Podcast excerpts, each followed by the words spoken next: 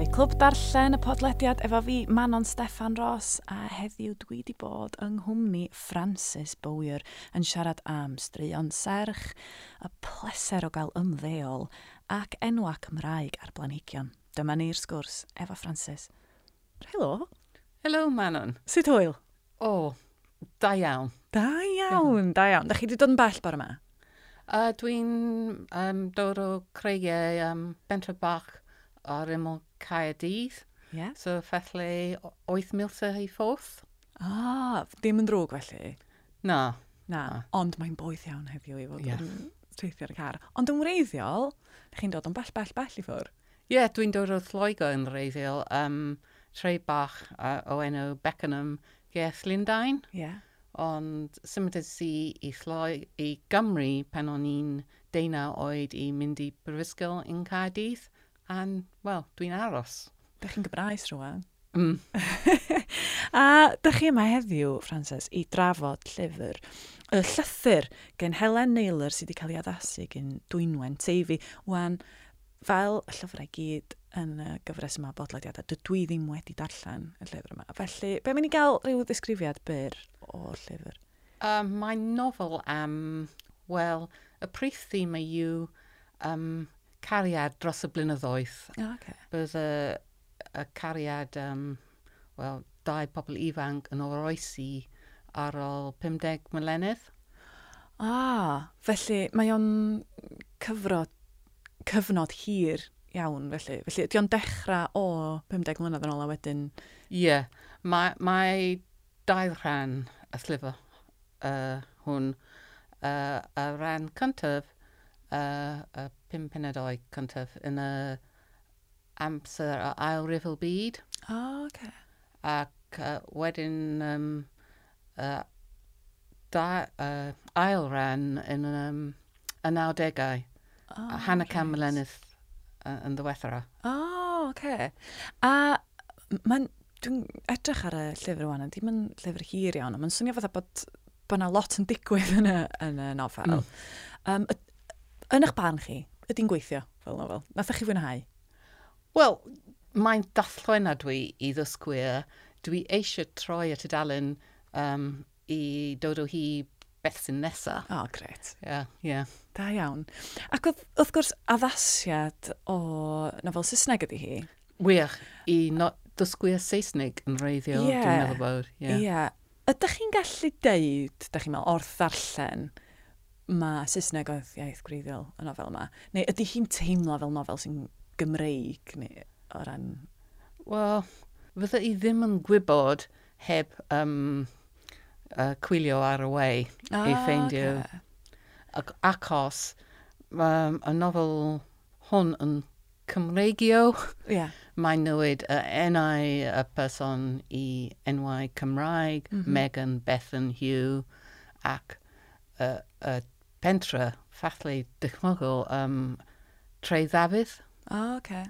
Dwi ddim yn ffeindio uh, lle treiddafydd a ar we. O na, dim ond fam. Mae'n swnio fel tysa fel yn le, go iawn ond. Fam, um, pentre glywel. Glywel, o, okay. Um, ydy o'n lyfr, uh, achos bod o'n lyfr am berthynas, um, ydy o'n lyfr positif o ran a'i stori serch sydd yma, neu ydy o'n ymwneud mwy efo y, y y peth anodd o fewn perthynas? Wel, mae pethau anodd achos uh, dau prif cymeriad um, rhaid iddyn nhw um, wahanu achos right. um, beth yn digwydd uh, uh, gyda teulu Hugh. Ond o diwedd um, ar ôl y litha wedi dod o anfod 50 milenydd yn ddiwethra, mae'n cwrthyn nhw unwaith eto. Oh, okay. Ond falle tyfyniad at lyfr, wel, rhaid i fi gyfaddef, dwi ddim yn, ddim yn credawi. ah, ie, yeah, oce. Okay. Ond mae'n swnio fel, bydda, llyfr romantis iawn, iawn. Mm. Yeah. yeah. Felly, o ran y bethau ydych chi'n darllen fel arfer, ydy hwn y math o nofel fysa chi'n codi fel rheol? Nofel ramant? Wel, a hyn y byd dwi'n canolbwyntio ar dathlu'n llyfrau Cymraeg. Yeah. And y peth pwysica i fi yw y stori da. Mm. Um, dwi eisiau troi y tudalun a so, wel, dwi wedi dathlu'n um, Llyfr Glas Gnebo. Dwi'n oh. hoffi. Yn wedyn blasu. O, mae blasu'n eitha cymlaeth. Yeah. Wel, mae'n posib i dathlu'n pob pen o blasu fel stori ei hun. Ie, yeah, ie. Yeah. Uh, and we wedi gwan, darganfod mae adnoddau ar gael ar y we. Yeah. Acos mae'n dynifio fel um, llyfr a holiad. Yeah. Um, Pan ydych chi'n darllen, fel, fel dysgwr, achos bod chi um, wedi dysgu Cymraeg, pan ydych chi'n darllen nofel yn Gymraeg, ydy o yr un teimlad a darllen rhywbeth yn eich mamiaeth Saesneg, neu ydy o'n teimlo mwy fel, reit, mae hwn yn broses addysgol, neu ydy o'r un teimlad o'r ryddhad hyfryd yna o just allan llyfr. Mae dibynnu ar, ar, ar y lyfr. Um, I think uh, gyda nofel i ddysgu yn tipping bach mwy fel proses addysgu. Yeah. Ond pan dwi wedi symud ymlaen uh, uh, dros y blyn blynedd diwetha, dwi'n dathlu'n mwy acos, wel, dwi'n hoffi, dwi'n eisiau dathlu'n y llyfr fel yeah. yr un peth fel yn Saesneg. Ie. Yeah. Diddorol, diddorol. Mm. A wedyn, da chi'n dweud bod chi'n canolbwyntio rwan ar, ar ddarllen yn Gymraeg. Be oedd y llyfr cyntaf i chi ddarllen yn Gymraeg lle wnaeth chi feddwl, oh yes, dwi, oh, oh, dwi roedd yn y dosbarth um, Clwb Darllen Sylfaen, roedd Scoop oh, gan ah, Clois Arnold. Yeah. And roedd, o, oh, tasg heriol iawn uh, um, gyda penodau cyntaf. Mae, o, oh, gormod o ymdrech yn amser hir, ond erbyn canol y llyfr, mm. mae'n tipyn bach yn haws. Ond o diwedd y llyfr, oh, wel, athyn ni ddathlu'n dim problem. and uh, and stori nice and uh, Mae'n gret, dwi'n clywed llawer iawn iawn o gamol um, mm. i sgwp gen Lois Arnold. Mm. Dwi'n meddwl tybad hefyd, ydy ni fel Cymru, um, achos bod na ddim gymaint o lyfrau ar gael drwy gyfrwng y Gymraeg, ydyn ni'n tueddu darllen ystod mwy eang o um, genres Fa, yn Saesneg, os dwi'n mynd i'r llyfrgell a dwi'n dewis llyfr Saesneg, mae o wastad yn mynd i fod, dwi'n licio sci-fi. Felly mm. mae dewis yn sci-fi neu falle neu ddarllen rhywbeth efo sbrydion neu rhywbeth fel yna. Ond yn Gymraeg, achos bod na ddim gymaint o hynna lyfrau newydd yn dod allan, dwi'n tueddu darllen bob dim. Lle da chi'n teimlo bod y math o lyfr da chi'n darllen yn Gymraeg yn wahanol i beth chi'n dewis yn Saesneg?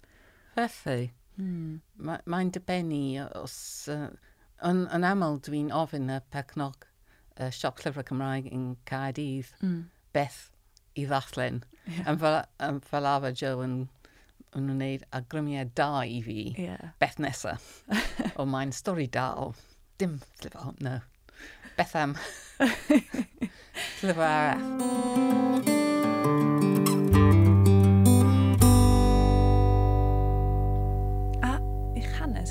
bach o ran darllen. Ydych chi'n wedi bod yn darllen wraig brwd erioed? Ydych chi wastad wedi mwynhau darllen? Ie, yeah, ond pan o'n i'n weithio, does dim amser gyda fi i darllen mm. nofelau. Roedd um, testyn uh, gwyddoniaeth ac ati o um, pethau i um, cysylltu gyda fy ngwaith. Achos radiolegydd oeddech chi yeah. ynde? Felly yna lot o ddarllen pethau ffeithiol ynglyn â gwaith. Yeah. Ond fel plentyn neu berson ifanc, oedd, oedd na eiliad lle nath chi sylweddoli, o, oh, dwi wir yn caru darllen, neu oedd na lyfr arbennig, da chi'n cofio eich blentyn dod? Pan wen, uh, dwi wedi wneud uh, O-levels, mm. llenyddiaeth, roedd y dawis, dwi'n hoffi, was it, was it Lord of the Flies, ah, yeah. gan William Golding. Yeah uh, roedd nofel wahanol i uh, y ddawes fel arfer, fel um, hein, Llyfrau, mm. Shakespeare ac y ti. And, yeah, mae'n hawys i. Be am rwan ta? Tysach chi'n mynd allan ac yn dewis llyfr o unrhyw iaith. Pa genres ych chi'n mwynhau? Wel, yn Cymraeg y hyn o bryd, um, novel detective. Ah, ah, yeah. Detective mae um, un newydd um, adlenni um, a droedd lyfrydd. Ah, yeah. Gan Alan Davis. Yeah. Yeah. Da? Wel, yeah, mae'n um, genre, well, Scandi Noir, tipyn bach. Okay.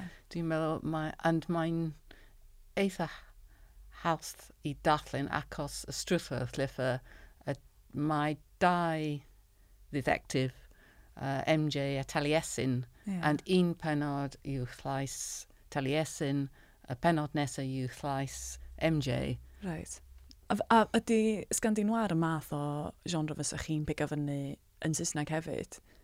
Na, dim yn Saesneg. Na? Falle mwy um, fel y nant gan Bet Jones oh, o ah, genre yeah. Agatha Christie. Ie, yeah, ie, yeah, ie. Pan yeah. o'n i'n ifanc, datlan ys i llaw o llyfrau Agatha Christie. Felly, fel, fel um, darllenydd, Tysa gyna i hydlaeth fan a fyswn i'n dylwyth yn deg ac yn dweud, reit, tyswn i'n sgwennu nofel yn arbennig i Francis, pa fath o beth fysa chi'n licio gweld yn Gymraeg? pa fath o nofel dych chi'n meddwl falle sydd ddim yn bodoli yn Gymraeg? Wel, dwi'n hoffi nofel uh, hir yn, ratha, yn hatrach na stori byrion mm. i, wel, llyfr glas nebo. Dwi'n hoffi y, y perthnas rhwng Rowena a Sean a mae'n hyfryd. Ac, um, wel, yr un peth gyda fi nawys um, Tom. Ie. Yeah. Nofel newydd. Ie, yeah. wel, oeddech chi'n sôn am hyn gyna, felly da chi, da chi wedi gorffan darllen Tom gen Cynan Llwyd? Ie, yeah, siw. Sure. Mae o'n fendigedig. O, oh, yn y iaith yn bwyog, llacar. Mae'n wahanol i nofel i ddysgwyr. I'm sure fod mae'n anodd i sgwennu nofel i ddysgwyr acos rhaid i ti dynefio ge dim ond um, mm. gramadeg sy'n yeah. addas y safon y llyfr. Yeah. Ond um, mae Tom Mae nofel uh, wedi ysgrifennu um, South Point Tom. Ie. Yeah. Uh, Llaw yn y person cyntaf. Um, mae Tom yn, dyn, yn dynifio um, o enwau hyfryd i pobl sy'n byw yn y, yn y cymuned fel Pamela Pyjamas, Tom Dwy Dynydd, a Shirley Shop Mobility. mae un o'r pethau bendigedig am, am y nofel yna ydy, nath o wneud i fi sylweddoli bod gynna ni ddim lot o lenyddiaeth dinesig yn Gymraeg. Ac o'n i hmm. rioed i meddwl am y peth o blaen. So mae gynna ni, dwi'n i'n os chi wedi darllen nofela Llwyd Owen, mm. um, a rhai o nofela Tony Bianchi hefyd. Mae hi'n nofela dinesig, ond i fi oedd hwn yn teimlo mor ffres, hollol naturiol. Cyfoes yeah. i pobl ifanc sy'n byw yn y stad Ia, um, ac alla bod ni fel Cymru yn tueddu sgwennu, bod ni'n gweld yn yn penna pwy ydy'r darllenydd Cymraeg a bod y person yna yn berson gwledig, mm. falle hyd yn oed yn berson gwyn, um, a bod ni'n bod ni'n eitha cil o ran ystyried pwy di'n darllenydd, ond wedyn nath Tom gen gynnan llwyd wneud i fel, o, oh, na, dydy gynulleidfa Gymraeg ddim yn edrych rhyw un ffordd, neu dyn nhw ddim yn byw un math o fywyd. Pawb ydi o. Mm. Ond eto, dio ddim yn teimlo yn ranti yn y ffordd yna gwbl. Mae, mae jyst yn stor, mae'n hollol naturiol, yn dydi? Yeah.